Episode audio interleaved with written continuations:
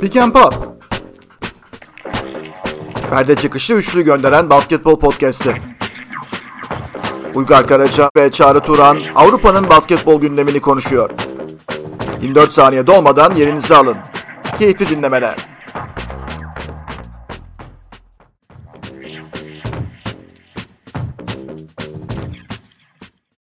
Pick and Pop'a hoş geldiniz. Ben Uygar Karaca, Çağrı Turan'la beraber Euroleague'de ve Avrupa basketbolunda haftanın e, gündemde öne çıkan konularını konuşmaya devam ediyoruz sizlerle birlikte. Çağrı Turan, Euroleague hafta içi, hafta sonunda Amerikan futbolu mesaini tam gazla sürdürüyorsun. Ee, şimdi tabii sana şeyi sorarak başlamak istiyorum ben. Ee, merhaba öncelikle. bu normalde aslında cumartesileri bu sezon o kadar kolej futbolunun biraz kötü bir sezon olduğu için çok mesai harcamıyordum da bugün Rivalry Week. Aslında yani normal sezon son haftası o yüzden bütün önemli maçlar her şey bütün derbiler bu hafta şu anda oynanıyor. O yüzden biraz bugün sadece ondan mesaimi harcıyorum. Ben kolej futbolunu Eurosport'ta bir sene anlatmıştım ama kaç yıl önce diye soracak olursan böyle bir çırpıda cevap verebileceğim bir soru değil bu. Çok yıl önce diye öncelikle cevap vererek e, bir tahminde bulunacağım. Herhalde bir 12 yıl olmuştur diye düşünüyorum. Ya şuradan hesap edebilirsin. Ohio State'in e, en büyük quarterbacklerinden birisi kimdi? Hatırlıyor musun onu? Daha sonra NFL'e gitti falan. Ohio State quarterbackleri genelde NFL'e gider. Sonra NFL'de çocuk olmaz onlarda. ya adamın adını bulamadım ya. Neyse. Birazdan arayıp bulurum. Ee, yani öyle muhtemelen tabii sen o zaman anlattığın zaman da mesela şu anki gibi playoff mevzu falan da yoktu. Yani şu anda playoff diye bir konsept var mesela daha fazla. Ha, yoktu yoktu. O zaman bowl maçları vardı. Ya bu bowl maçları nasıl belirleniyor falan e, derken pek anlamadan bitiyordu.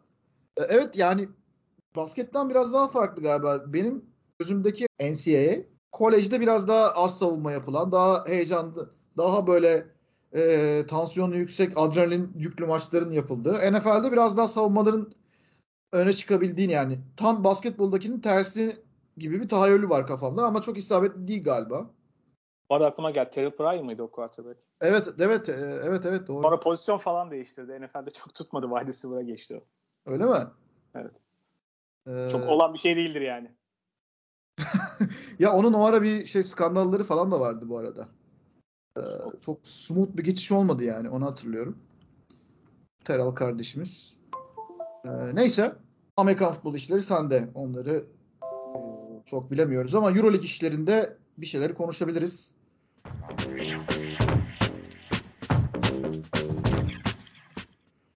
Bu hafta Euroleague'de bizimkilerin maçı vardı.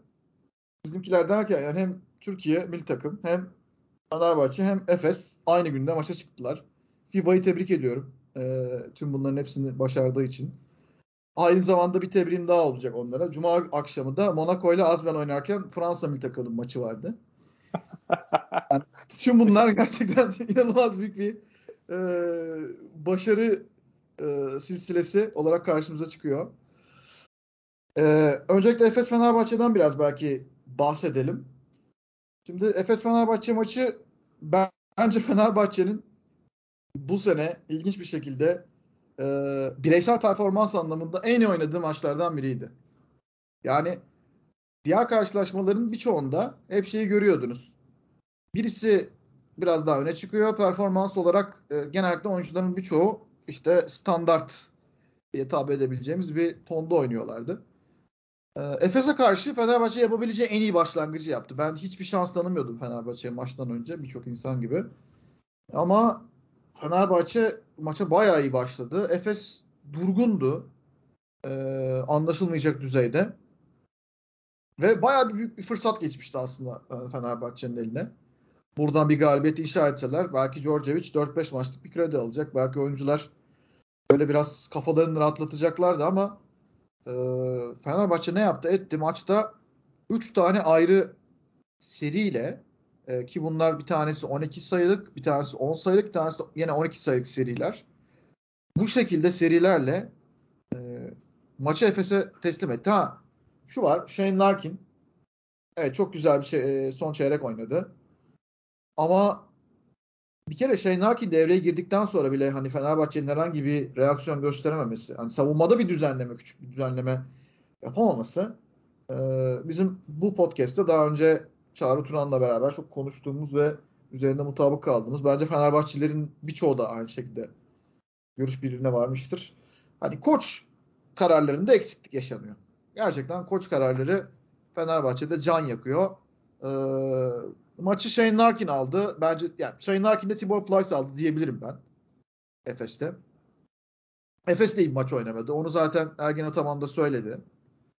Ee, o yüzden Efes için bence steal bir galibiyet yani olmayacak bir yerden gelen bir galibiyet Fenerbahçe için de artık bu dördüncü yenilgi oldu üst üste Euroleague'de. Son sıralara doğru gidiyorlar. Neyse ki Jalgiris var. Yani Jalgiris de bu hafta Barcelona'dan fark yediği için e, henüz son sıra gelmedi ama oraya doğru gidiliyor. Beklemenin de bir anlamı var mı bu konuda radikal bir adım atmak için? Ondan da çok emin değilim. Yani maçın genelini zaten hani çok konuşmaya gerek yok. İnsanlar bence büyük bir detayla izlediler maçı. Ama dönüp dolaşıp işte aynı konulara geliyoruz. Polonara niye daha fazla oynamadı? Mesela daha fazla süre almadı. Mesela burada şöyle bir line-up datası getireceğim sana ve yorumunu bekleyeceğim. Euroleague'de Fenerbahçe en fazla kullandığı 5'i sayıyorum sana Çağrı. Nando De Colo, Pierre Henry, Doğuşan Pierre, Jan Veseli ve Devin Booker 5'i. Ee, plus minus endeksinde sence kaç e, nasıl bir skora ulaşmışlardır? Sence bu 5? Şöyle kafadan bir at. ne olabilir yani? Yani maç başına eksi 6 falan derdim herhalde. Abi Maç toplamda eksi 23 ya ben sana totali söyleyeyim. Toplamda eksi 23. Ve bu beşli 45 dakika oynamış. 45-32 oynamış toplamda. 89 top kullanmış. Ee, ve 16'da bir üçlük atmış bak bu üçlü. 16'da bir. En çok kullandığı 5 bu. Yani Sasha Djordjevic'in. İkinci en çok kullandığı 5. Pierre Henry, e, Goodrich, Davşan Pierre, Jan Veseli, Devin Booker. Bunlar da 38 dakika oynamışlar. Bunlar da eksi 7'de toplamda. Ee, üçüncü beşi Dekolo, Henry, Goodrich, yes, Veseli ve Booker. Bunlar da eksi 2'de. Şimdi aşağıda bu arada daha az süre oynayan ve daha kesik kesik oynayan bu arada. Beşler de var. Ee, işte Şayoklu, ondan sonra Polonaralı, e, şey muzlu falan beşler var. Onlarda artı eksi e, istatistiği daha iyi.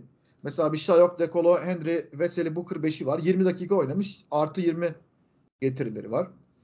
Ee, ama şuna da baktım. Üşenmedim. Euroleague'de bu kadar fazla bir 5'e dayalı oynayıp da e, ilk 3 en fazla kullandığı 5'i ekside olan, eksi plus minus'ta olan e, başka bir takım ben göremedim. Mesela. E, ya bu bile kendi başına aynı çok fazla şey ifade ediyor. Bilmiyorum buna bir yorum yorumun olacak mı ama e, yani koçluk kuantifa edilebilir mi? Edilebilirse bence böyle edilebilir. Ha diyebilirsin ki plus minus'ı ben çok takmıyorum. Bence e, yerinde bir veri değil. Ona da saygı duyarım ama e, var mı bir yorum? Yok hayır yani doğru kullanırsa bence onda bir sürü şeyi gösterebilir. Özellikle de uzun vadede. Ama mesela bu çok kullandığı 5 dediğin Evet yani mesela maçları izleme. Mesela ben kullandığı dakika sayısını kesin bu işin daha fazladır diye tahmin ediyorum. Çünkü o kadar statik genel maç yönetimi var ki yani maçın hangi dakikasında hangi beşlere dönecek, hangi oyuncular oynayacak, top kime gidecek ve bu çalışsın çalışmasın çok statik bir şekilde aynı şekilde ilerliyor yani. O yüzden çok tahmin edilebilirliği gittikçe artan bir takım haline geldiler. Ve bu yapının bir arada iyi işleyip işlememesine de çok bakmıyor yani Djordjevic. O yüzden zaten hani koçla alakalı bir sürü sorun var da bir yandan başka bir tane noktası da hani sıkıntılı bir durum var. Sıkıntılı bir durumla alakalı bir şey değiştirmeye çalışmayan bir yapın da var. Yani hani her şey çok iyi mi gidiyor? Aslında senin orada dokunduğun nokta o yani. Her şey çok iyi mi gidiyor da bunları ısrar ediliyor diye. Öyle bir durumda yok ama yani Georgievich ile alakalı o kadar çok sorun aslında bu sadece bir tanesi diyebilirim yani. Ee, bilmiyorum daha ne kadar devam edilecek. Ee, sanırım yavaş yavaş yavaş yavaş geliyor galiba çünkü yani bir olay... kadar biraz tren kaçabilir veya toplanması zor olabilir en azından bu sezon üzerinde. Ha yani bence öyle çok kusursuz bir kadro değil yani. Çok daha böyle Biraz varyansı yüksek bir kadro. O yüzden gelecek koçun ona uygunluğu vesaire falan böyle çok yukarı çıkarabilir. Veya orta halli bir takım olarak da kalabilir. Öyle hani işte Final Four garantisi falan muhteşem kadro diyebileceğimiz takım değil. Yani bu kendince çok defoları olan bir takım. Nasıl kullanacağınıza göre, nasıl yöneteceğinize göre çok fazla değişiklik gösterebiliyor. İyi veya kötü yönde. O yüzden e, bundan sonrası biraz zor. Sezon yani biraz kaybedilmiş gözüküyor artık bu noktada. Yani psikolojik olarak da toparlanmak kısa vadede kolay olmayabilir. Değişik olsa bile. Şimdi bu şeye kalıyor. Şimdi Georgia için niye yazın acil önlem koçu olarak gidildi? Başka isim yok muydu? Hadi gidildiyse niye 3 senelik kontrat verildi? Sanki çok çılgın bir geliri varmış gibi Fenerbahçe'nin. Ama şu an bilmiyorum herhalde Fenerbahçe ya bu tip takımlar da e, ya her takımın kendi organizasyon şekilde belirleyen o dönemki biraz nasıl diyeyim, politik ortamı belirleyen şeyler var. Şimdi Fenerbahçe geçen hafta derbi kazandı futbolda. Bir süre yönetim çok umurda olur mu emin değilim. O kadar söyleyebilirim yani. Hani. Anladım. Anladım. Ee, ya ben şurada sezonu kurtulabileceğini düşünüyorum. Kurtarılabileceğini düşünüyorum hala. Evet Fenerbahçe'nin kadrosu dediğin gibi defolar var. Ee, ama hangimizin yok ki diyeceğim. Yani Euroleague'de sağlam takım yok. Bilmiyorum katılır mısın? Ya bugün Barcelona bile yani en sağlamı o gözüküyor. E, maç içinde bir sürü sorun yaşıyor. Ondan sonra Olympiakos birazdan konuşacağız.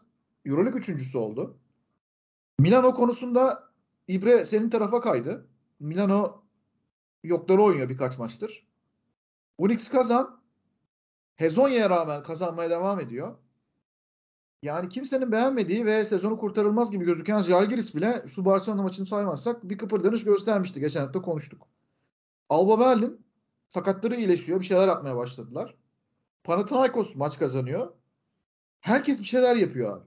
Yani bu ligden hala bir şeyler olabilir. Ama sene dediğin gibi burada işte önem verme, önemseme yani mesele ne kadar ciddiye alınıyor? Hedefler neler? Yani bu sene playoff'a gidelim, kurtaralım bu işi. Ee, ligde de nasıl olsa final oynarız gibi bir vizyon mu var? Yoksa yok ya biz hocamıza güveniyoruz, biraz bekleyelim, sabredelim gibi bir şey mi var? Yani sabredebilirsin ama sabrederken de bir gelişim görmen lazım değil mi? Ee, bence hala kurtarılabilecek bir sezon var ortada. Ama bunun kararlarını artık şu aralar vermek gerekiyor. Yani futbolda da bu böyle. Şu aralar bence iyi dönemler. Çünkü o zaman hani transferi yakalıyorsun. Biraz daha erken serbest kalan oyuncuları yakalıyorsun. Ee, sezon başında uyumsuzluktan dolayı pazara çıkan oyuncuları. Ee, bence şu aralar iyi. Ha burada şey olabilir işte o derbi galibiyet diyorsun ya. Yani arada birkaç galibiyet gelirse o süreyi uzatabilir. O iyi mi olur kötü mü olur Fenerbahçe için? Emin değilim. Ee, mesela son olarak da şeyi söyleyeyim. Dakikalar konusunu. Hani bu Fenerbahçe'de en çok dakika alan 5'li 45 dakika oynadı dedik ya. Mesela Efes'te en çok oynayan beşli 29 dakika oynamış. Mitsic, Boboa, Simon, Moerman ve Plyce beşlisi. Ee, inanılmaz sayı üretmemişler. Ama ikinci en çok oynayan 5 28 dakika oynamış. Mitsic, Boboa, Simon, Moerman, Petrushev beşlisi. Bunlar artı 23 üretmişler. 28 dakikada ve dakikada birbirine çok yakın. İşte burada şey ortaya çıkıyor yani hani koç dokunuşu e, fark ettiriyor. Zaten Ergen Ataman maçtan sonra şöyle bir ayrıntı verdi. İşte Misic 4 faal aldı. E, maçın son bölümü. Son 5 dakikada Misic 4 faal almıştı. Ve Guduric'e karşı oynuyor. Guduric de üst üste sayı bulduğu zaman biliyorsunuz coşan bir oyuncu. Seyirci de var falan. Misic oyunda tuttu Ergin Ataman. Maçtan sonra sorduk niye hani bu riske girdiniz diye. Dedi ki yani Mitsic belki savunmada zorlanıyordu ama biliyorsun Ergen Ataman da hani oyuncusuna güvenen bir yapısı vardır. O an dinamiklerinde e, kendine çizdiği yola inanan bir koç. E, en doğru karar olmadığını biz düşünsek bile bazen. Misic dedi Larkin'e yer açıyordu. Yani onu perdelemeye sokuyorduk. Switch alıyorduk. İnsanlar Misic ile uğraşırken Larkin kenardan gönderdi üçlükleri dedi. Hani bu da bence sonuçta bir koç dokunuştur. Yani maçı böyle kurtaracağını düşünmüş ve hamlesini ona göre yaptı. İşte bunlar lazım. Fenerbahçe 8 üçlük kaçırdı son çeyrekte. Djordjevic. Diyor ki bomboş şutlar kaçırdık. Hepsine baktım şutların. Bomboş falan değiller. Yani Hani fact olduğu için, veri olduğu için bu kadar net konuşuyorum. Şutlar boş değil. Şutların hepsinde e, Shane Larkin close out yapıyor. Hemen hemen hepsinde. Yani uçarak her zaman yaptığı gibi e, o şutu bozuyor. E, yani bu gibi detaylar var maçın içinde mesela. Neyse böylece derbiyi de geçmiş olduk. E, ve Efes kazandı. Efes galibiyet serilerine devam ediyor. Dengeli bir lig olduğu için aşağı bir e, seviyede dengeli bir lig olduğu için şu anda Efes hala e, daha üstlere tırmanmakta zorlanıyor ama birçok şey şu anda daha iyi durumda e, Anadolu Efes'te.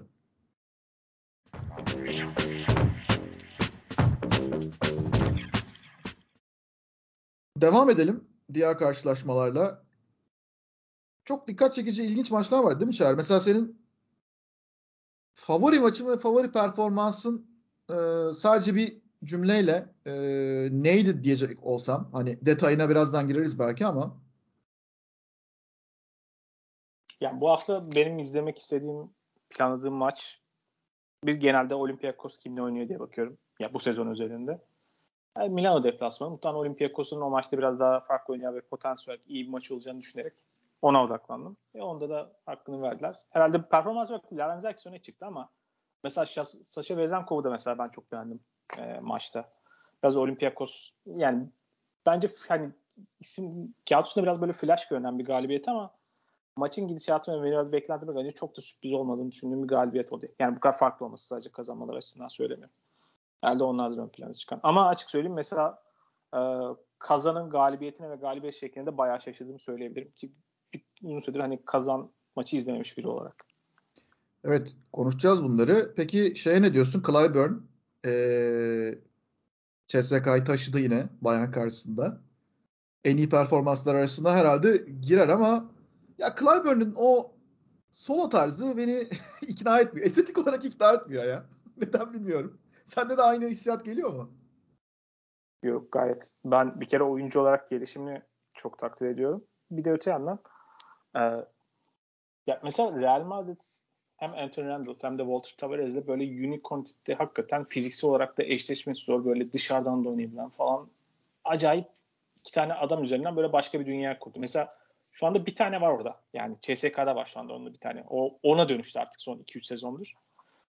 O yani birebiri üzerinden CSK için o kadar kolay ki böyle cheat code gibi ya sanki oyundaki yani topu ona veriyorsun ve bir şekilde yani seni kurtarabiliyor. Artık o noktaya gelmiş durumda. O yüzden bazı maçlarda bir şekilde maçı devralmasını izlemek çok keyifli. Her zaman çok ideal bir karar verici mi? Değil. Bence o da ilerliyor. Eskiden yaptığından daha fazla şeyi aslında e, cephanesinde var. Oyun olarak da, oyun, oyun tercihleri açısından da. Ama ben izlemekten bayağı keyif alıyorum yani bir Clyburn o şekilde o mismatch'i bir şekilde kullanma mekanizmasını.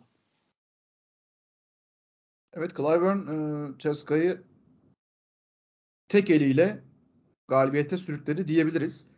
Ee, peki daha derinlemesine konulara girmeden önce bir tane daha böyle öne çıkan bir detay soracağım. Ee, Asvel Monaco'nun sonu çok tartışmalı oldu. Hayatımda gördüğüm en saçma sapan maç sonlarından biri. Ee, çok güzel ve işte basketbolun tuhaflıklarını ortaya çıkaran bir maç sonu olsa da bir kere bir saat problemi e, galiba vardı. Yani sürenin dolduğuna ilişkin bir karışıklık da vardı. Ee, sen ikna oldun mu o sürede zamanında şutun zamanında atıldığına bu arada? Ya onu gördüm ama tabii tam o kısmı görmedim. Sadece ben o son pozisyonda mesela şey takıldım. Şimdi e, bu geçen hafta bahsetmiştik. Monaco oyuncuların böyle biraz duruma göre situational basketbol tarafında biraz eksik olmasıyla alakalı. Şimdi Paris'te mesela o topu oradan engellemiş. Ondan sonra mesela topu niye böyle çalmaya vesaireye gidiyorsun? Adamın önünü kapatsan sonra adam oradan bomboş bir yere gitti. Arkasını hiçbir şey yapmadı. Yani azından rahat şut attı yani. Tamam o ihtimal yüzde birin altında ama yani gene de onu vermemen lazım mesela. Hani ben de mesela ona taktım. Yani biraz yani hani elindeki yapabileceğin her şeyi yapmış mısın o pozisyonu? Hayır yapmamışsın yani. Ben de ona taktım mesela. Yani bir nokta ya gerçekten hediye ettiler o açıdan. Ya ben sana bir şey diyeyim mi? Ben program şey e, pozisyon önümde şu anda açık da bitmiş gibi gözüküyor biliyor musun? Ama bir de geç başlatmışlar saati yani zaten başka Evet evet var. evet evet orada e, gerçekten saatle ilgili bir problem var gibi gözüküyor. Eskiden Rusya'daki maç saatleriyle alakalı böyle sıkıntılar oldu ama kendi ev sahibi olarak kendilerini yapmışlar biraz. Ya Himki bir kere öyle e, Fenerbahçe'ye karşı bir maç kazanmıştı. E, hatırlıyorum. Ondan sonra da özür falan dilenmiş galiba. Yalnız tabii e, senin söylediğin şey de e, Parisli'yi şöyle savunacağım. Abi adam topu kesmiş olmanın verdiği heyecanla ya kim düşünebilir ki e, topa dokunduğun an, anda zaten maçın bitmiş olduğunu düşünüyorsun kafanda. Çünkü pası kesmişsin zaten.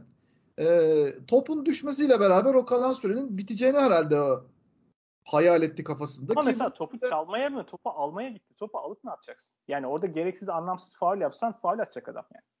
Hani gereksiz riskler arka arkaya yani.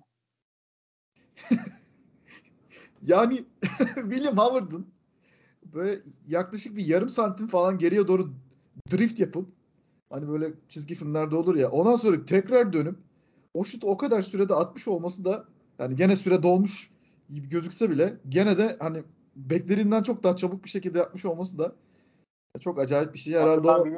Tam Tony Parker'ın kapısını çalarım. Maçtan sonra belki de oradaysa otobüste artık takım otobüste mi uçakta mı neyse. Başkanım artık bir özel prim falan diye giderim yani. Kesin. Çünkü Civej'den Mitrovic'i yendiler. Önemli o. Aa, bir de o, var değil mi? Doğru. O hikaye var aslında. O zaten. Doğru. Evet. Ee, NCAA Final Four'unda geçen sene bu Jalen Saks'ın orta sahadan attığı bir akıl almaz üçlük vardı. Evet. Ee, o da işte e, cama çarpıp girmişti. Ondan sonra gördüğüm en acayip finişlerden biri. Ama dediğin gibi Asvel böylece e, kendi yenilgi serisine bir son verip Monaco'yu e, biraz daha aşağılara itmeyi başardı ve eski koçları olaylı bir şekilde yollara ayrılan Mitrovic'le de e, tekrar karşılaşmaları böyle bir maçla oldu. E, bu ikisinin maceraları önümüzdeki zamanlara devam edecek. Ciddi bütçelerle 14-15 milyon avroluk bütçelerle ikisi farklı yollardan ama ikisi de kendince ilginç yöntemlerle bir geliştirdikleri projeleri sunmaya devam ediyorlar. Bu arada tabii eksikler de vardı e, bahsettiğimiz konu. Guy Lacombe Fransa milli takımındaydı. E, Asvel cephesinde oynayamayan isimlerden biri olarak. Şey dikkatimi çekti benim. Zakari Risache e, kadroda. Herhalde bu Stefan Risache'nin oğlu. E, U16 takımının bir mensubu. Ve önümüzdeki zamanlarda işte bu baba oğul ortaklıklarını yani biz bunun babasını tanıyorduk e, muhabbetlerini biraz daha geliştirebileceğimiz bir e, figür olarak karşımıza çıkıyor. Onun dışında bir tane genç Kimani Huinsu var. O da yavaş yavaş oynamaya başladı Euroleague'de e, ve Fransa Ligi'nde. Süre almaya başladı. E, onu da yine mercek altında incelemeye devam edeceğiz. Azvel'de böyle ilginç oyuncular devam ediyorlar e, çıkmaya.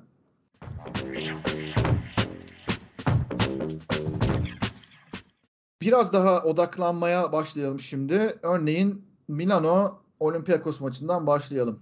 Ee, sezon başından bu yana Milano konusunda herhalde en fazla ikna olmayan tanıdığım insansın.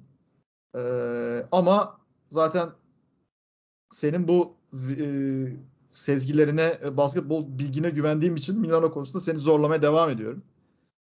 Ee, ve sonunda gerçekten de Milano'nun artık defolarının yavaş yavaş ortaya çıkmaya başladığı mı diyeyim ya da bir takım olarak sınırlılıkların gözükmeye başladığı mı diyeyim. Ee, böyle dönemler geliyor ve işte Olympiakos'a yenildiler. Ondan önce Zenit, ondan önce Unix. Ee, bir tek işte İtalya Ligi'nde o arada iki tane maç aldılar. Ee, Reggiana ve Treviso maçlarını kazandılar. Ama hemen e, pazara gitmişler. Pazara yönelmişler. E, sakatlıklarının etkisiyle. Ve ben Bentili iddialara göre bugün gördüğüm iddialar Bahçeşehir'den Ben Bentili geçen sene Panathinaikos'ta oynuyordu. Almışlar.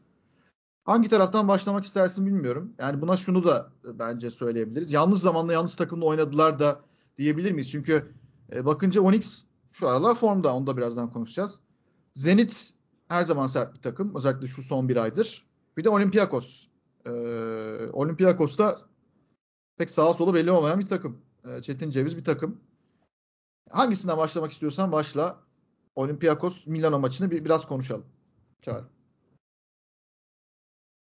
Milano'nun aslında e, yani takımın genel prensipleri hani sadece işte oyuncu tercihi, koçun bazı tercihleri vesaire falan değil ama genel üzerine kurduğu takım prensipleri zaten bence beni en çok ikna etmeyen kısım. Öyle başlayayım. Ve te, bu şekilde en azından kurduğunuz yani kadronun bir şekilde olması gereken dengeye bence belli ölçüde sahiptir. Örneğin uzunlar tarafında, rebound tarafında kendine problem yaratacak tercihler var. Geçen sezon çok daha keskin, bu sezon bir tık daha toparlandı ama yani hala o konuda çok tatminkar değil. Yani orada derinlik olsun, bazı oyuncuların günde olmaması lazım. Orada biraz fazla şeyler, zayıflar hala. Özellikle ligin tepedeki takımlarla e, çarpışmak için. Örneğin Barcelona, Real Madrid, CSK düşündüğünde bu takımların uzunlarına karşı orada mutlaka sıkıntı çeker. Yani örneğin playoff serisinde denk gelirlerse özellikle. Bunun ötesinde bir şekilde oyuncuların Milano'nun bir tane bir cevabı var. Yani her şey için kullanmaya çalıştığı. Ve o cevap sıklıkla oyuncuların bireysel olarak hani oyuncuların bireysel olarak yeteneklerin üzerine kurduğu ve kolektif olarak oradan daha fazlasını üretmeye çalışan bir yapı bence oldukça sınırlı. Hiç yok demeyeyim. Hani evet bazen evet gerçekten yardımlaşma konusunda bir çaba gösteriyor ama çok akıllı bir takım değil. Ve situational basketboldan bahsediyorum. Daha genel prensipler açısından. Bir şekilde oyun sürekli e, birebirlere, zorlama şutlara, çok iyi seçilmemiş şutlara ve özellikle de oradaki ilk tercihteki ilk pozisyonların bulunan pozisyonda rakip savunması o konuda dikkatli, istikrarlı ve işte hem gerekli sabıra sahip hem de doğru kurallara, doğru prensiplere sahipse ki Olympiakos takımlarından bir tanesi. Orada tıkanıyorlar. Ve ondan sonra maç içerisinde sizin sadece psikolojik olarak onların o kısa dönemli patlamaları, zor şutları soktukları anları yatıştırmazlık kalıyor. Çünkü onlar o dönemler oluyor yani. Önceki günde oldu bunlar zaman zaman. Ama onlar bir şekilde sürdürülebilir bir şey yapı değil. Bazı günler hani onlarla bir şekilde idare ediyor. Maçta kazanabiliyor. Bazı günler işte o iniş çıkışlı görüntüye sebep oluyor. Bazı günlerde onlar daha da az giriyor. Hiç girmiyor belki. O zaman daha da kötü bir sonuç üretiyor. Dün de aslında işte hiç girmemesiyle sürdürülemez noktada arada girmesi arasında bir noktadaydı. Ve Olympiakos bir şekilde yani ya, maçın ilk devresinde Olympiakos 60 sayı attı. İkinci devresinde de 30 sayının altındaydı. Şimdi ve bir şekilde kendi istediği şekilde maçı götürdü. Yani Milano'nun atması gereken noktada bir şekilde üretim yok. Savunması gereken noktada Olympiakos inanılmaz şut attığı şeyini savunmayacağım. Hani evet yani yüzdeli olarak baktığın zaman özellikle üçlük yüzdesi çok iyi gözükebilir. İşte Lanazakis bir iki zor şut soktu falan kritik anlarda falan denebilir de Olympiakos'un şu tercihlerine baktığımda ben öyle kötü tercihler falan görmedim yani. Gayet makul tercihler o. Her zaman bu şekilde atmayabilirler ama doğru tercihlerle atılmış şutlar var sürekli. O yüzden de Olympiakos'un hani daha fazlasını da atabilirlerdi sayı olarak. O yüzden burada çok sürpriz bir durum yok benim açımdan. Maçın genel gidişatın hikayesini düşündüğümde.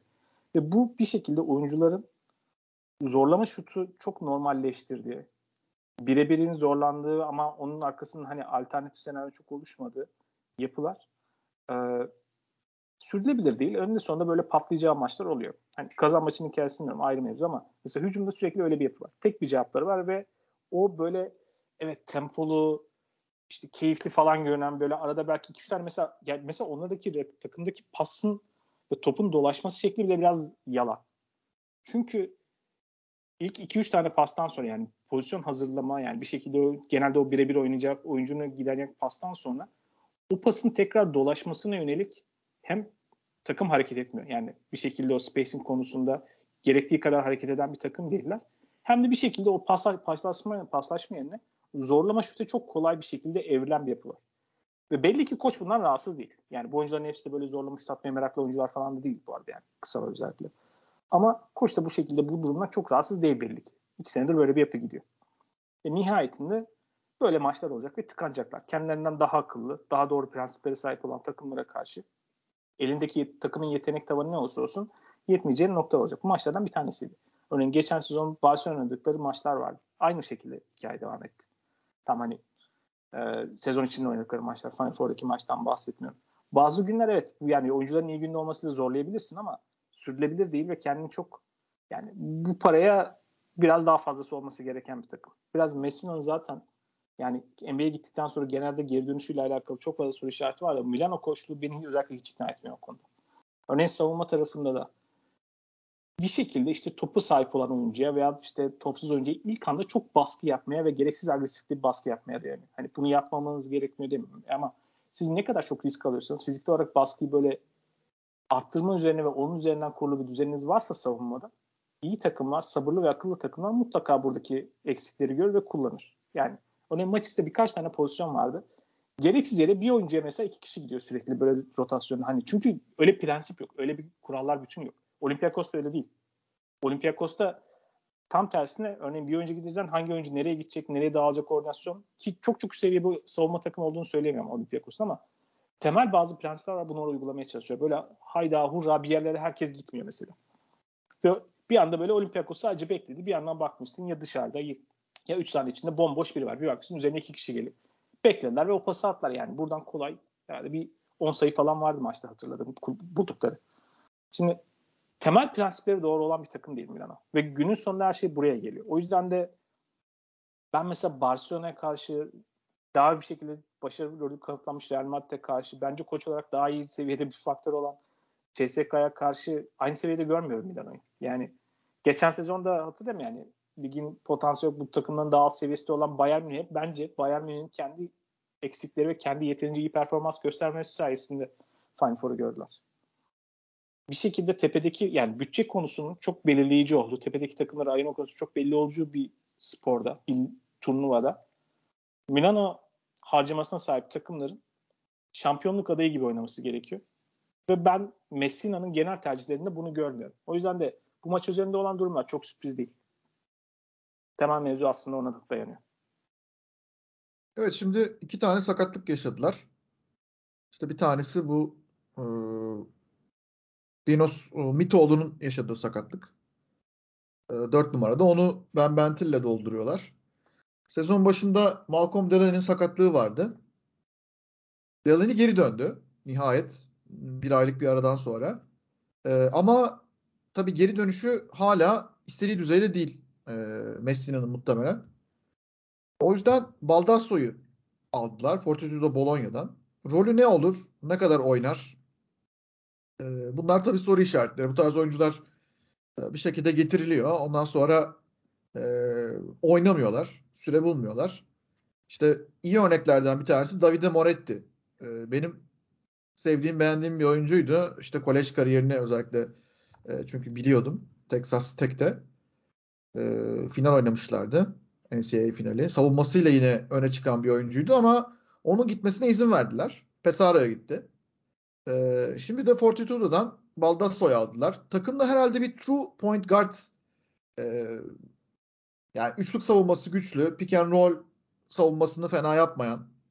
Rakibin üzerine baskı kuran. E, kendi rolünü pek fazla aşmayacak ki bu zaten Messi'nin en çok dikkat ettiği şey. Ee, ya böyle bir takımda biraz İtalya Ligi'ndeki rotasyonu da sanırım rahatlatıp işte Euroleague'e daha fazla enerji e,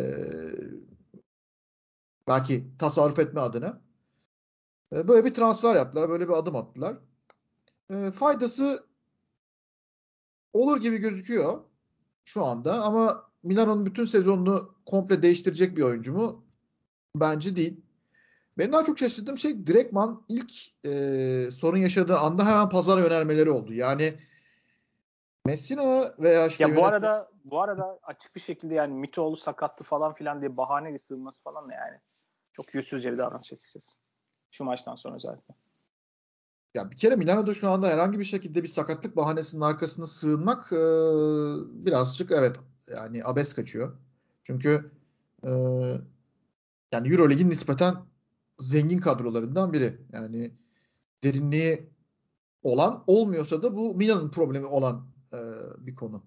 Yani Kevin Panther'ı takımda tutamıyorsan bununla ilgili olarak e, Milan olarak oturup sen düşünmen lazım. Adam Partizan'ı tercih ediyorsa e, sen buna gidebilir raporu vermişsindir diye düşünüyorum. Çünkü Milan onu tutmak isteseydi bence tutardı. Değil mi? Öyle düşünüyorum ben. Yani Maddi o da olabilir ama mesela guard konusunda mesela şöyle düşünüyorum. Yani daha farklı bir guard modeli arıyorsa eğer bu takım bence iki tane gerçekten iyi ve top yönlendirme becerisi olan, topu sürekli elinde de istemeyen iki tane bence kıymetli ama geçen sene bir şekilde Messi'nin çok kullanmadığı e, kanat oyuncusu ve top kullanabilen, bir şekilde guard'ın elini rahatlatabilen, alternatif oyun kurucu olarak oynayabilecek Michael Rowe ve e, Vladimir Sovuk gönderdi bu takım. Tercih etmedi yani oyuncularla devam etmeyi. Şimdi bu da alternatif çözümdür. Yani o gitsin bu gelsin değil yani. Bir noktada evinde bence kıymetli parçalar olsa da onu kullanmaya çalışmaması da bir sıkıntı yani.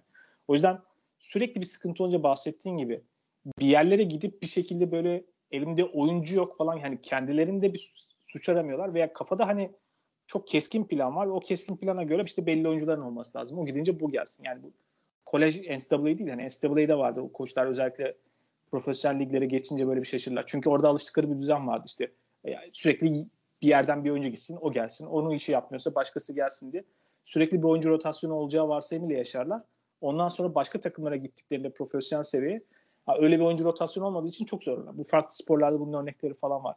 Messina da şu an biraz öyle davranıyor bir yandan. Yani hani kendinin ana planını, bahsettiğim ana planın üzerine örneğin maç üzerindeki duruma göre değişiklik de yapmalar. Yani Olympiakos mesela farklı senaryolara bu maç üzerinde örneğin reaksiyon gösterdi. Bazı değişiklikler yaptı. Oyuncularını farklı oyunlara yöneldi. Farklı kadrolara yöneldi. Bir şekilde oyunu çözdü onların adına. Şimdi Messina belli ki kendi ana planının da çok iyi olduğunu ve o ana plan için belli oyuncuların olması gerektiğini düşünüyor. Şimdi o zaman iki tane daha soru var. Bir, ana planın bu kadar iyisi niye bazen çalışmıyor? Yani bence o kadar iyi bir ana plan yok. İkincisi, madem böyle bir ana plan var, o zaman o ana plana göre oyuncuları neden sezon başında kurmadın yani? Oyuncu getirmedin yani. Sakatlık olacağı çok bariz bir durum. Yani sezon içerisinde bazı sakatlıkların olacağı veya sakatlık yoksa bazı oyuncuların alternatif modelinin daha fazla olması gerekmiyor mu? Yani şimdi başka tipte bir sürü gene guard aldı bu sezon. Ama başka tipte gardlara yöneliyor şimdi şu anda. Ee, işte İtalya Ligi'nde bahsettim. Sürekli bir tutarsızlıklar abidesi bir takım şu anda Milano. Yani Messi'nin artık öyle bir koç gözümde. Evet. Bu maçla ilgili maçın dinamiğiyle ilgili mesela enteresan başka bir nokta. Bazen öyle günler olur ki işte yakın bir maçtır aslında ama bir takım bir şekilde bir 15-20 sayılık bir seri yakalamıştır ve o seriden geri dönemezsin. Yani o seriden sonra yani rakibin e, bir adım ötesine geçecek e, darbeyi indiremezsin. Ve o seri yüzünden arada bir küçük bir boşluk e, yaşamışsındır, bir blackout yaşamışsındır. Oradan maçı kaybedersin. Bunu anlayabilirim. Fakat Olympiakos'un maça yaptığı sürreel başlangıç. E, kaç tane üçlük üst üste attılar? E, Vezenkov, ondan sonra Thomas Walkup, e, Tyler Dorsey. Zaten çıldırmıştı Tyler Dorsey. E, ve orada büyük bir fark oluştu. E, işte 12-13 sayılık falan bir fark oluştu. Daha sonra Milan o farkı kapattı ve geri geldi. Ve 3'e kadar da indirdi. Ondan sonra o fark bir daha oluştu. Mesela bu önemli bir göstergedir. Yani basketbol maçlarında e, işte Fener de aynı şeyi yaşadı. Mesela. Fark açıyor. Efes geri geliyor. O varyansın olmasının Milan üzerinde şöyle bir sebep var. Bir şekilde hücumun onu taşımasını umuyorlar. Ama hücumun onu taşıması için daha iyi bir plana ve daha sürdürülebilir bir plana ihtiyacı var. Ona sahip değiller. Evet yani savunmada da daha iyi yapabilirler miydi? Evet bazı şeyler ama e, temelde hücumda sürekli olarak hücumun onu taşıması ve yeteneğin bir şey daha yüksek skorla oynayan bir takım olarak onu götürmesini bekliyorlar. Ona yönelik bir oyun anlayışı yok, planı yok Milano'nun. Zaten o yüzden hani patlamalardan bahsettiğim o patlayıcı dönemleri var maç içerisinde. Onları yatıştırmanız gerekiyor. Onlara çok kafayı takmamanız gerekiyor. Zor şutları sokacaklar. Gene zor şutlar sokuyorlar. Yani Michael Delaney mesela o geri geldi işte ilk çeyreğin sonunda, ikinci çeyreğin başındaki o geri geldiği dönemde iki tane zor şut soktu. Sonra sokamadı o maçın sonrasında yani. Hikaye gelip dönüşüp ona geliyor yani. Aynı plan, bahsettiğim o kötü plan örneği gene bu yani. Evet, karşındaki takım bir tane büyük e, derbi kaybetmiş Panathinaikos'a karşı. Ki o maçların duygusal yoğunluğu çok fazla oluyor. Yine olaylı işte yıllar sonra tekrar karşılaştılar. Ee, sen bu arada sevdin mi tekrar Olympiakos Panathinaikos'un oynamasını? İşte ikincilik mevzu yüzünden oynamıyorlardı biliyorsun. Özlemiş misin ya da öyle söyleyeyim. Ya maçı izleyemedim o yüzden hani biraz hatta sonuca da şaşırdım ama e, en azından ya Yunanistan Ligi'nde playoff serileri oynarsa oynamak güzel olabilir. Tabii o zaman Panathinaikos'un dediğimce olacağını bağlı. Yani e, çok aynı seviyede bir takım olacaklarından oldukça şüpheliyim şu anda. Olursa o zaman keyifli olabilir izlemesi.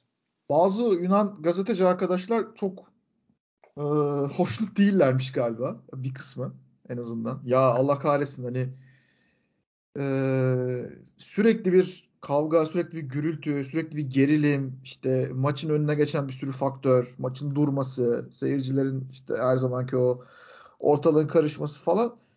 Bazıları iyiydik böyle. Süt liman Euroleague'de oynuyorlardı. Ortalık o kadar da fazla karışmıyordu. Ya havasında. bir de şöyle bir durum var. Yani maçla alakalı hiçbir şekilde suya sabuna dokunmadan konuşmaları veya bir şeyler yazmaları bekleniyor orada. Hani Türkiye üzerinde aynen şöyle söyleyeyim. Hani herhangi bir yorum yaparsın arkasından da sen hani bir de maç anlatan birisi onun için çok daha fazla yaşıyorsun. Hemen arkasından sen bu takımın düşmanısın, sen bu takımın oyuncusun, bilmem necesin falan diye böyle zıt sürekli yorumlar gelir ya. Kafada bir şey kurar gelir. O da orada çok keskin bir şekilde var Olympiakos Panathinaikos rekabetinde. Yani o yüzden oradaki gazetecilerin özellikle e, niye bıkmış olduğunu biraz daha iyi biliyorum ben de. Evet. Ee, Olympiakos'un Milano galibiyetinde galibiyete götüren şeyleri de konuşacağız ama ben önce gene bu iyice araştırdığım e, line-up datasından tuhaf bir dikkatimi çeken bir noktayı yine yani paylaşmak isterim Olympiakos'la alakalı. Yani Bart Zokas şu anda Euroleague'de hatta belki Euroleague'in e, işte son dönem belki son 5-10 senedeki bütün koçlarını perspektife sokabiliriz. E, gördüğüm en konservatif ve en kendi metotları dışına asla çıkmayan listesinde belki ilk üçtedir, belki de birincidir. Yani e, line-up datasında toplam 158 dakika aynı beşle oynamış. Ve gerçekten Euroleague'de bu bir rekor yani. Dorsey, Volka, Papanikolaou, Vezenkov ve Mustafa Fal. Yani adamın bir tane SWAT takımı var. Adam bu takımdan vazgeçmiyor. Yani bu çok enteresan bir şey. Ya şöyle evet. biraz ona o rotasyona mesela Printezis de girdi daha sonrasında ama Printezis'in özellikle sakat olduğu dönemde bu beşe çok bağlı kaldılar. Onun da etkisi var. Bir ara e, bir tane Litvanyalı e, Twitter'da kullanıcı var. Adını unuttum şimdi. Galus galiba. O çıkartıyordu timeout ve oyuncu değişikliği datasını. E, Bartokas'ın nasıl işte bunları tercih etmediği ya da oyuncu değişikliğini tercih etmediği falan böyle uçlarda bir koç e, bu anlamda. Ya bu arada çok müdahale etmesini gerektiren bir durum olduğunu da düşünmüyorum. Yani iyiler yani ve bir yandan takım hani kazansın kaybetsin. Ya bu takım elinden gelenin en iyisini yapıyor diye düşündürttü çoğu. Yani bu Efes oynadıkları son çeyrek dışında ben böyle sıkıntı yaratan maçlarını hatırlamıyorum. Yani kaybettikleri maçlar dahil. Hep bir şekilde ya bu takım zaten yapabileceği budur. Bunun da fazlasını yapıyor hissiyatını verdiği için. Çok o yüzden böyle kurcalamaya, müdahale etmeye çok gerek yok. Bir yandan açık söyleyeyim yani çok öyle müdahale edecek çılgında bir kadro yok yani elde özellikle kenardan gelen oyuncular kısmında. Biraz eldeki oyuncuları dinlendirme mekanizması takımın yedekleri çoğunlukla. E, o tweet'i buldum şimdi. 5 Aralık 2020'de atılmış. Darius Garuolis e, bu arkadaş bayağı bir istatistiksel olarak veya işte görsel olarak da yani o verileri görselleştirme olarak da iyi iş çıkartıyor bence. E, işte en marjinal koçlar arasında Garcia Reneses en az mola alan. Itudis en fazla alan. E, Bartokas da en az oyuncu değişikliği yapan e, koç olarak e, karşımıza çıkıyor. Demin dediğimde böyle bir desteklemiş olayım. E, Olympiakos'un özelinde gerçekten ilginç şeyler oluyor bu sene ama dediğin doğru. Yani bu takımı niye değiştirsin? E, değiştirmesine çok gerek kalmıyor. Yani en iyi beşini, en dengeli beşini bir şekilde e, oradan çekmiş almış, e, belirlemiş. Onlar üzerinden e, devam ediyor maçlara. E, açıkçası Olympiakos'un o son iki Maccabi bu maçını görünce Efes'in yani ucuz atlattığını düşünüyorum o maçı. O maçı bir şekilde kazandı Efes son çeyrekte.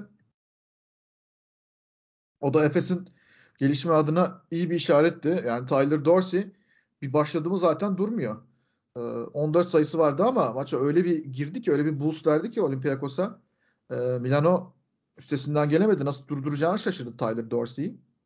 Ee, çok üstünde durulmayan Alexander Vezenkov sen de bahsettiğin gibi. Vezenkov'un kaydettiği sayı 12 ama çok verimli bir şut e, isabet yüzdesi var. Yani 8'de 5 sağ içi. E, 3'te 2 üçlük. E, bu istatistiklere bakınca aman Allah'ım bu adam neler yapmış falan demiyorsun sahada. Ama maçı izleyince yani o göz testine soktuğun zaman Bezenko asıl olarak ikinci yarıda e, bir bütüncül savunma anlayışıyla e, Papa Nikolaou ile beraber kanat savunması ne kadar iyi yaptığını e, görüyorsun gerçekten bir futbol takımı oyn- gibi oynadı Olympiakos maçı. İlk yarıda e, atak etti ve biraz da şansı da yaver gitti. Yani şutlar çok fazla girdi. Yani çok büyük bir olması gerekenden çok daha yüksek bir şut yüzdesiyle oynadılar. Evet iyi şutlar seçiyorlardı ama ona rağmen yani yine de kadarını ben beklemiyordum. İkinci yarıdaysa bu skoru tamamen koruma e, güdüsüyle topları düşürüp işte her zaman yaptıkları şeyi yani savunmayı ön plana çıkartıp 24 saniye süreyi sonuna kadar kullanıp e, böyle bir taktiksel bir satranç maçı aldılar e, Messina'ya karşı. E, bir ara ben onlar aşağı doğru gidecek gibi düşünüyordum Euroleague'de. Bu ivmeyi devam ettiremezler gibi düşünüyordum sezon başı ne kadar konuştuysak da. Fakat şu anda 8 galibiyet 4 yenilgi 3. sıraya geldiler. En çok galibiyet alan 3. takım. Real Madrid e, ve Barcelona'nın gerisinde. E, Valla Olympiakos ilginç işler yapmaya devam edecek herhalde. Unix'le oynayacaklar bir sonraki maçları. E, kazandı maç. Çok ilginç bir maç olur. Bence o haftanın yani önümüzdeki haftanın kaçmaz maçlarından biri olacak diye düşünüyorum. Ne yaptığının çok farkında olan bir takım. Yani açıkçası artık şu anda şimdi normal sezonda hep bahsettiğimiz bir konudur yani. Pek çok takım rölantide oynuyor diye. Ee, rölantide pek oynamıyorlar. Tabii rölantide oynayacak bir lüksü olmamasının da etkisi var. Ama ne yaptıklarının çok farkında bir takım ve ben izlemekten çok keyif alıyorum. Örneğin Sasha Vezenkov sadece işte bahsettiğim gibi yani istatistik kağıdına yansımayacak gerçekten çok iyi şeyler yapıyor yani. Bazen verdiği pist doğru yerde pozisyon alması, doğru yere kat etmesi vesaire o kadar çok saha içinde doğru şeyleri yapıyor ki zaten o fiziksel olarak yani yetersiz atletizmiyle bu şekilde bu kadar verimli olmasının başka bir açıklaması da yok. Örneğin 3. çeyreğin sonunda bir pozisyon vardı. Ee, işte bir tane şut attılar sanırım Malcolm Delaney'e işte orada bir sayı yediler. O da 18 sayıdan 16 sayıya mı neymişti fark böyle öyle bir rakamla. Mesela Papa Nikolaou ile Printezis yani o bütün o çeyrek arası boyunca o pozisyonu tartıştı. Yani bir yandan o detaya hakim, maçtaki o konsantrasyona sahip bir takımdan bahsediyoruz. Bir yandan oradaki yani o spacing'deki yani o farkı hani sen buraya gidecektin o rotasyondaki farkı da o kadar farkında ve umursayan bir takım. Yani niye oradan onun istemediği istatistiği onun için görece iyi bir şutu bulabildiğinin farkındalar ve onu engellemek için anlar konuşuyorlar. Veya maç içerisinde örneğin birkaç tane pozisyon var. Özellikle dikkat çekince Milano'nun da bir şekilde plan çok o konuda e, detaycı iyi bir takım olmasıyla da alakalı çok iyi kullandıkları pozisyonlar mesela. Sabırlı olarak beklediler. Bir yere birisi fazla gereksiz bir yardıma gidince mesela onu cezalandırdılar. Veya tepede bir örneğin pick and roll çok sık yaptıkları bir şey. O pick and roll'ün devamını getirmek için Milano gibi hareketsiz kalmıyorlar. O pick and roll'un devamında mesela ya kanattan ya kenar ya, ya da e, dipten bir oyuncunun mesela kat ettiğini, diğer oyuncunun ise ters tarafa açılıp kendi alan yarattığını, bu yönden de eğer o pozisyondaki adamlardan biri boş kalırsa veya savunma gereksiz fazla reaksiyon verirse diğer oyuncuya öbür oyuncunun için uygun bir pas alma açısı olduğunu farkındalar ve bunu sürekli uyguluyorlar. Örneğin bazı pozisyonlarda mesela çok otomatik paslar gidiyor. Ve bazen bu top kayıpları da oluyor. Ama mesela o top kaybı olduğunda oyuncular mesela birbirleriyle bakıyorum yani vücut dilerinden anlaşıyor. Ya evet ben buraya yanlış hareket yaptım. Buraya kat etmemeliydim veya ben bunu beklemedim falan gibi. Mesela o detayları ve temel prensipleri çok iyi çalışılmış bir takım ve bu oyuncular çok farkında. Yani maçın pozisyon pozisyon an olarak da farkındalar. Genel resimde de farkındalar. Yani bir takımdan işte isteyeceğiniz şeyler vardır e, yapı olarak. işte genel prensipler, genel sistem. Onun dışında maç özelinde uygulanması gereken planlar ve onun detayları. Daha detayda da pozisyon özelinde olacak şeyler, dikkat konuları, farkındalık. Bunların hepsi var. Ve bunların hepsi bir araya gelince gerçekten hani eldeki malzemenin üzerine çıkan çok çok benim açımdan izlemesi keyifli bir takım çıkıyor. Bu maç sadece bence onun bir özetiydi yani sezon boyunca özetiydi. Evet şimdi sen söyleyince aklıma geldi. Efes maçında özellikle mesela Vezenkov'un takım içinde e, yönetme ve takıma pozisyonları adeta maç içinde bir e, video analisti gibi e, hatırlatma e, ağırlığını hissediyorsun izlediğin zaman. Thomas Volkap'ı hatırlıyorum. İşte takımın faullerini hatırlatıyor sürekli. Yani çok iyi iletişim kuran bir takım kendi içinde. Konuşan bir takım. Hep işte basketbolda ilk öğretilen şeylerden biridir. Yani konuşun. Birbirinizle haberleşin saha içinde diye. Gerçekten kendi içinde çok konuşan bir takım ama bir parantezde Larentzakis'e 18 sayı attı diye demiyorum. Çok iyi bir Shavon Shield savunması yaptı. Yani birebir savunmaları Avrupa'da çok övemiyorsunuz. Çünkü e, takım savunmaları aslında orada belirleyici oluyor. İstediğiniz kadar siz birebir de sıkı tutun rakibi. E, günün sonunda takım savunması e, sizin ne kadar rakip durdurabildiğinizi belirleyen şey oluyor ama Larantzakis gerçekten birebir değerlendirecek olursak e, Milano'nun en skorer oyuncusu Shields'tı. 26 sayı attı. Yani nasıl durdurmuş diyebilirsiniz. Ama Larantzakis e, Shields'ın ritim bulmasını engelledi ki bence Yani Milano'nun maçı kurtarmak için elindeki tek çare zaten o kalmıştı. E, Melli'den bu arada beklemediğim kadar kötü bir maç izledim. Onu da söylemek lazım. E, o maçın notları bu şekildeydi. Mesela ee, Melli o takımda biraz daha sahaya akıl koyan oyuncular arasında yalnız yani. yani. Pozisyona göre bazı pozisyonlara bazı şeyleri açıyor. Doğru yapmaya çalışıyor ama işte bütünlük lazım takımın. Yani sanırım son çeyrekti mesela gene Olympiakos'un çok doğru oynadığı pozisyonlardan bir tanesiydi. Mesela Melli ile e, Fall eşleşti. O pası atıyorlar. İşte ondan sonra çok iyi pozisyon yok post-up'ta. Oradan geri dönüyorlar. Mesela tekrardan o eşleşmeyi kullanmak için tekrardan bir kere yandı. Ondan sonra basket gelmedi ama iyi bir şut ve iyi bir pozisyon bulmuştu. Yani orada Melli faul alıyordu neredeyse. Hani bir yandan sahada bazı şeyleri farklı yapan işte bir hareket eden, doğru yapmaya çalışan nadir oyunculardan bir tanesi. Melli mesela o takımda çok yalnız kalıyor. O da mesela yani onun da mesela bu maçta üzerinde yani dikkatimi çekti. Ee, oradan rahatsızlığı var. Yani takımın bazı şeyleri onun yaptığıyla takımın geri kalan aynı frekansta olmasıyla alakalı. Evet. Ee, şimdi birazdan Unis Kazan'ın son bölümde Unis Kazan'ın galibiyetini e, biraz daha uzun konuşalım ama ondan öncesinde e, bir maça değinmek istiyorum. Yani Panathinaikos'un e, Zenit galibiyeti. Bu haftada e, dikkat çekici ve arada kaçmaması gereken e, galibiyetlerden biri bence.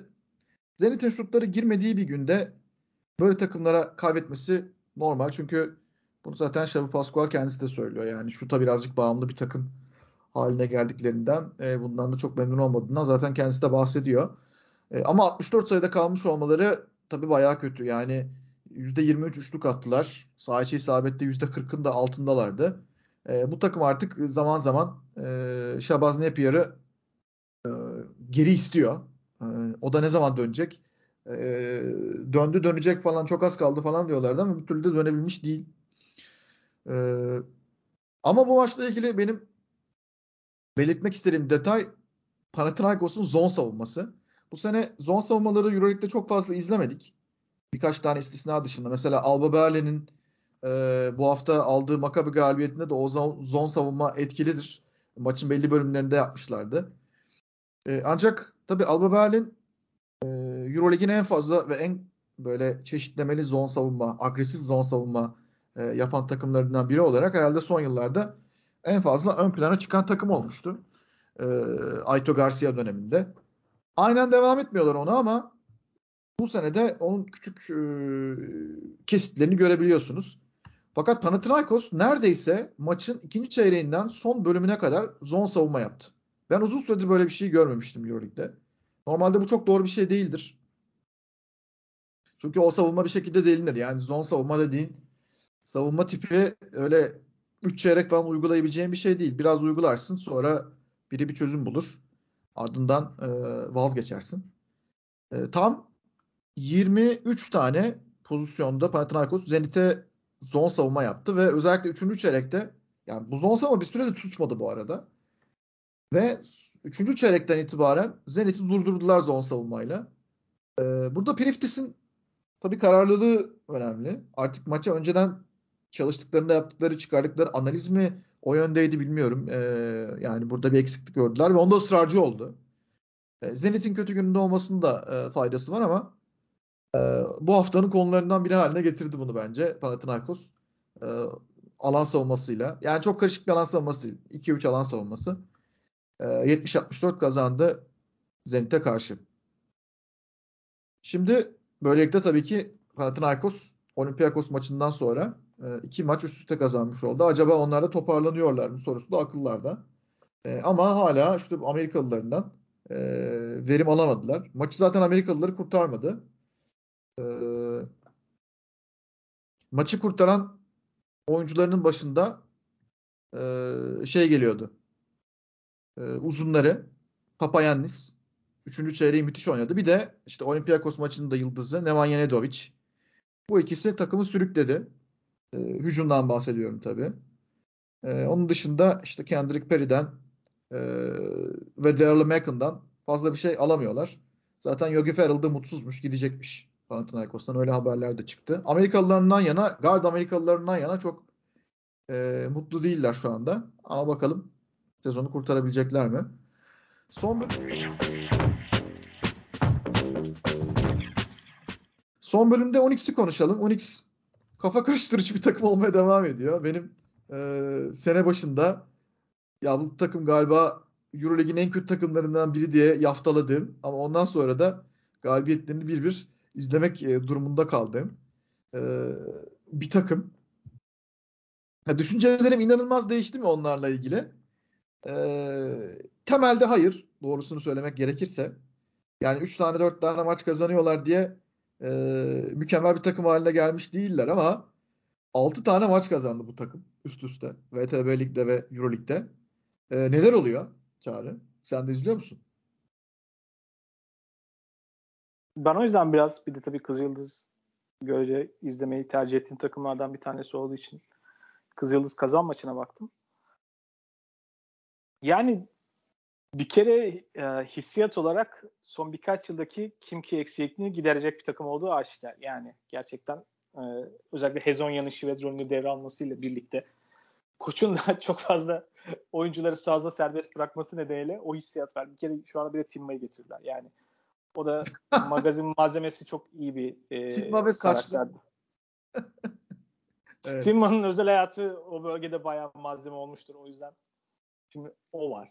Yani mesela oradan John Brown'u kurtarmak lazım. John Brown'u kurtarırsak hı hı. yani daha iyi bir daha kaliteli bir oyuncu olduğu için o oyuncu grubundan yani çok kaliteli böyle bir reality show çıkabilir böyle absürt kavgalı gürültülü falan böyle tam böyle şey e, kesinlikle sezonluk işte Hard Knocks'tur veya All or Nothing falan tarzı belgesel için malzeme çıkacak ilginç bir karakterler grubu yani gerçek bir freak show çıkabilir o takımdan karakterlerden böyle bir takım sezon ilk haftalarında gördüğüme göre resim biraz daha ne değişmiş dersem biraz daha oyuncular bireysel olarak e, daha ciddiyetli ve istekli oynuyorlar. Hani çok organize miler? Hayır. Ama fiziksel olarak bu arada hani çok ağır basacaklar yani. Pek çok pozisyona çok ağır basabilirler. Yani oyuncu grubu olarak yani. Atletik oyuncular var. Mesela Kızıl Yıldız'a karşı Kızıl Yıldız biraz yani e, boyu yetmedi artık bir noktadan sonra. Yani özellikle uzunlar tarafında maçın ilk yarısında Kızıl Yıldız'ın hücumunu çok bozdular. Çünkü orada çok daha atletik, daha uzun kalan, daha sert kalan bir grup var bir şekilde. Kazanın elinde malzeme olarak.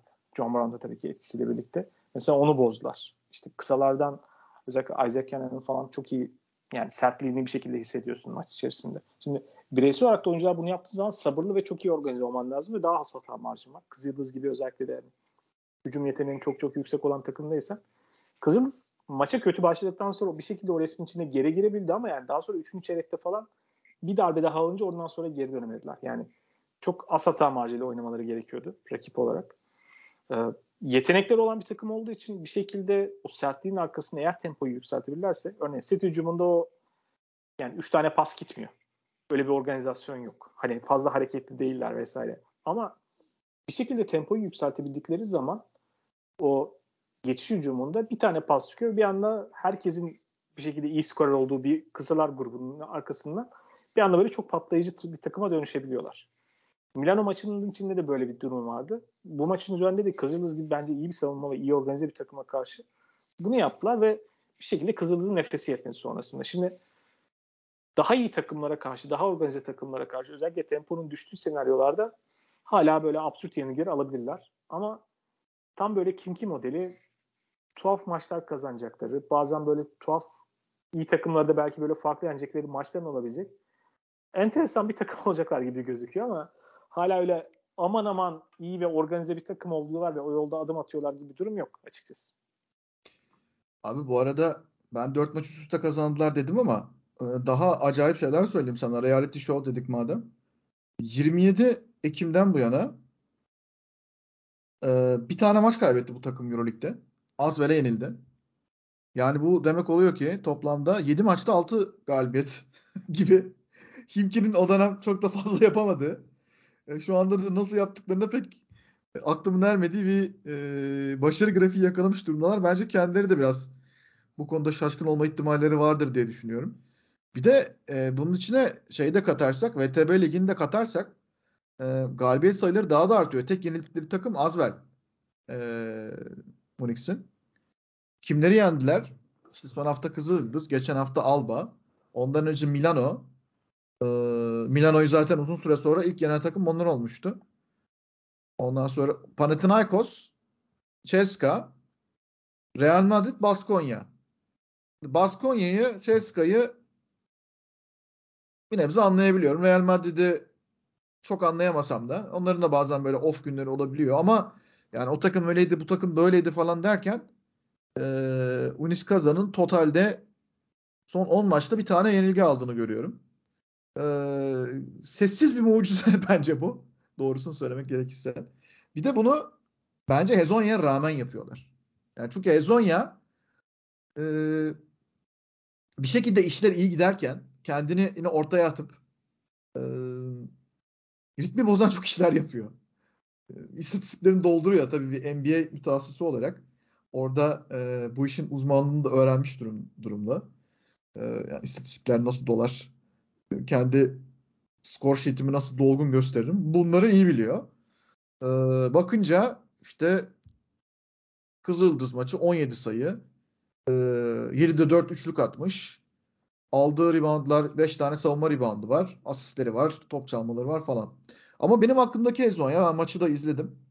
Benim aklımdaki Ezonya e, araya böyle hani ben de geleyim, ben de bir şeyler yapayım. Ben de e, takım parlıyor, ben de bundan geri kalmayayım. Yani takım kazansın çok önemli değilden ziyade partiden geri kalmayayım e, hevesiyle araya girip bozduğu çok pozisyonda vardı ama Kızıldız'ın geride yani geri gelecek şeyi yoktu. Takati yoktu. Bunu yaşamaları normal. Ben Kızıldız'ın hiçbir hücum e, kısırlığını yadırgamıyorum. Yani çünkü öyle kurulmuş bir takım değil. E, bütçe olanakları da bence belli. E, kadrosu belli. O yüzden onların e, 80'lere 90'lara çıkamadığı maçları izlemek çok yadırganacak bir durum değil bence. Burada tabii Onyx'te hani Hezonya'ya rağmen diyorum ya kimler peki neler yapıyor? Ee, senin dediğin gibi John Brown Onyx'e şu anda kadroda neredeyse fazla bir oyuncu. Yani ben transfer yapmamış olmasına şaşırdım. Geçen seneden sonra Euro Cup'ı finale e, getiren oyunculardan biriydi. Çok beğendiğim bir oyuncu. O da takımın havasına ayak uydurmuştu bu arada. O da iyi değildi yani sezon başında. Kızıldız maçını alan oyunculardan biri Dimitri Uzinski. O da yılların e, böyle emektar oyuncusudur. E, işte buralarda bench'ten gelip bir şekilde işte enerji katkısı veren, savunma katkısı veren e, birkaç senedir Unix'te Priftis'in de e, kullandığı ve fayda gördüğü bir oyuncuydu. E, bu sene yalnız üçlük yüzdesinin %36 gibi e, kendisi için bayağı iyi bir yüzdeye tekrar geri çekmiş durumda. Geçen sene %30'un altına düşmüştü çünkü Muzinski. E, Kızıldız maçında gayet iyi oynadı. E, birebir istatistiklerine bakacak olursak. Yani oyunda kaldığı süre boyunca artı eksi e, endeksinde artı 19'luk bir katkısı var. E, savunmayı Maçın zaten her zaman. Seriyi o başlattı aslında. Maçın başındaki seri 13'lükleriyle başladı yani. Evet evet kesin. E, işte o boost'u veren oyunculardan biri. Ee, Isaiah Cannon eğer bu takımda bir hero ball oynayacaksa bu Hezonya değil Isaiah Cannon olmalı. En azından bunu yapabiliyor ve e, çok zor şutları bence daha yüksek bir e, başarıyla sokuyor diyeyim. E, Gerald Bradley biraz takıma oturmaya başladı, yerleşmeye başladı. E, Marco Spissu ya şu çocuğun biri değerini bilsin. Oralarda e, harcanacak gidecek 5 tane çok değerli asisti var. Kızıldız'a karşı. Ki e, bu takım birinci garda olmamasına rağmen o konuyu da çok kafasına takmıyor. İtalyan takımları zaten güzel işler yapıyordu. E, Spissu'nun Milano maçında da 7 asisti vardı. Yani hocam gör bizi e, dedi adeta Messina'ya. E, işte Baldarosso ile uğraşacaklarına Marcus Spissu'yu almış olsalardı sene başında. E, yani Baldarosso da bir şeyler yapabilir. Ona şimdi daha oyna, görmeden Milano'daki performansını yorum yapmayalım ama yani Sassar da iyi sezonlar geçirdi. Milano'da e, pardon İtalya'da milli takımla gayet iyi işaretler vermişti bence Spissu. Unix'in kazancıdır. E, böyle bu gibi çok fazla işte manşetlere çıkmayacak. Hatta yani Lorenzo Brown Fenerbahçeliler acaba şu anda bakıp şunu diyorlar mıdır? Yani bizim takımda şu anda Lorenzo Brown katkısını verecek bir guard katkısı şu anda yok. Gerçeğiyle yüzleşiyorlar mıdır acaba? Geçen sene çok günah keçisi ilan edilmişti Lorenzo Brown. Ee, tek tek istatistiklere bakmak yine pek E, oyuncu hakkında karar vermek için en doğru yol değil ama 9 asisti vardı onda Kızıldız'a karşı. E, fena olmayan da bir karar mekanizması yürüttü. Alba Berlin maçında 9 asist. Yani iki maçta 18 asist yaptı e, Lorenzo Brown. Ve bu maçlarda takıma verdiği hep artı katkı var. Onu da görüyorsun. E, bu gibi Hezonya adı Hezonya olmayan ama takımdaki ağırlığı ve yaptığı işler baya baya Hezonya'nın çok ötesine geçecek oyuncular var. E, ve bu hücum tavanını yükseltiyor takımın. Ben merakla izlemeye devam edeceğim Unix'i. E, Perasovic'in free fall pardon free flow anlayışıyla e, çok da fazla bir metot takip etmeden oyuncuları e, laissez stratejisiyle e, yönlendirip sahada bir şekilde beraber oynatıp sonuç alıyor. E, bakalım bu yolun sonu nereye gidecek ama biraz daha izlemek lazım onları. Ama değinmeden de e, edemedik Unix kazana. Tüm bu gelişmelerin ardından. Evet Çağrı yavaş yavaş bölümün sonuna geliyoruz. Ee, ben kendi adıma en azından söyleyeceklerimi burada galiba bitirdim. Ee, senden var mı başka e, eklemek istediklerin son bölümde? Aklına Kazan gelen. için bir tane alternatif koç adayım var. Daha renkli bir takım olmalarını sağlamak için. Ee, şey mi? Biraz, Dur, biraz renkli tahmin etmek istiyorum. Ee, oyunculuk döneminde saçlarını pembeye boyayan e, adı aklıma gelmiyor şu anda. E, İtalyan guard vardı ya. O Ozeko değil. Pozeko değil. Pozeko olmaz bu takıma. Pozeko çok akıllı bir koç oldu değil mi? Pozeko döver. Pozeko sahaya girer döver beni yani. Bu takım için olacak daha renkli, alternatif ve gereksiz oyuncuya serbestlik veren koç modeli olarak Alexander Cikic mesela güzel gider bu takıma yani. Ama Cikic de, lütfen. bir de çok konuşur, gereksiz bir şeyler söyler falan böyle. Yani renkli görünümlü medya malzeme verme açısından hayır yani şey olarak düşünüyorum. Program formatı olarak düşünüyorum. Böyle işte All or Nothing veya Hard Knocks gibi format. İşte soyunma odasında bir yerlere kameralar falan koyuyor. Böyle için renkli konuşmaları. Böyle orada mesela Jikic'le Hezonya'nın muhabbetini falan izleyebilirim bütün gün yani. Jikic Hezonya'ya bir şey ikna etmeye çalışıyor falan. Alternatif bir yerlere falan gitmeye çalışıyor. Hezonya bunu sallamıyor falan. Yani. Hezonya müthiş ya. Yani Panathinaikos'a istediğim gardı aldıramadım diye adam tavır koymuş. Önce bana gelmediler falan diyor. Guard önerecek. Maç içerisindeki durum falan da şöyle hani e, bir şekilde geri kalan oyuncular kendi oyununu oynayıp onu bazen biraz göz ardı ediyorlar. Fark ettim onu. Ezonya'nın durumu şey gibi Cem Yılmaz'ın Ergazinası hikayesi gibi yani ben de atacağım ben de atacağım diye falan arada top alıp sallamaya başlıyor yani. Onu onu frenlemeleri kritik yani. Ee, bu arada senin bahsettiğin e, reality show'un e, en başındaki adam da ayrı bir e, ağırlık katıyor bence olay Evgeni Bogachev. Tabii, kazandı. Onun kızı, damat falan. Tabii ortaya karışık yani her şey orada. Ee, bir tane yöneticilik görevi de verdiler galiba. He? Damata yöneticilik görevi de verdiler galiba. O bırakınca basketbol artık. Öyle mi? Yok hakim değilim bilmiyorum yani doğrusunu söylemek gerekirse. Yalnız bir tane sosyal... sosyal... orada öyle bir kapak attı ki yani bir yandan başkanın kızı. İyi bir de orada takılalım. Orada emekliye bağlayalım. Orada bir galiba bir kulüpte bir görev de verdiler diye hatırlıyorum en son bırakınca basketbolu. Güzel bir emeklilik modeli onun için. Çok iyi yere kapak attı yani. bir tane sosyal medya paylaşımları vardı. Yevgeni Bogaç'ın doğum günü temalı. yani açın bakın diyeceğim. Ee, belki dinleyenlerden e, isteyen olursa arayıp bulurum. Ee, inanılmaz bir doğum günü partisi. Yevgeni Bogaçev e, bir devlet başkanı edasında kulüp binasına geliyor. E, etrafında balonlar patlıyor falan. İşte ekip hazır. Orada Pomponkus e, tarzı bir başka bir grup var. Pomponları sallıyorlar.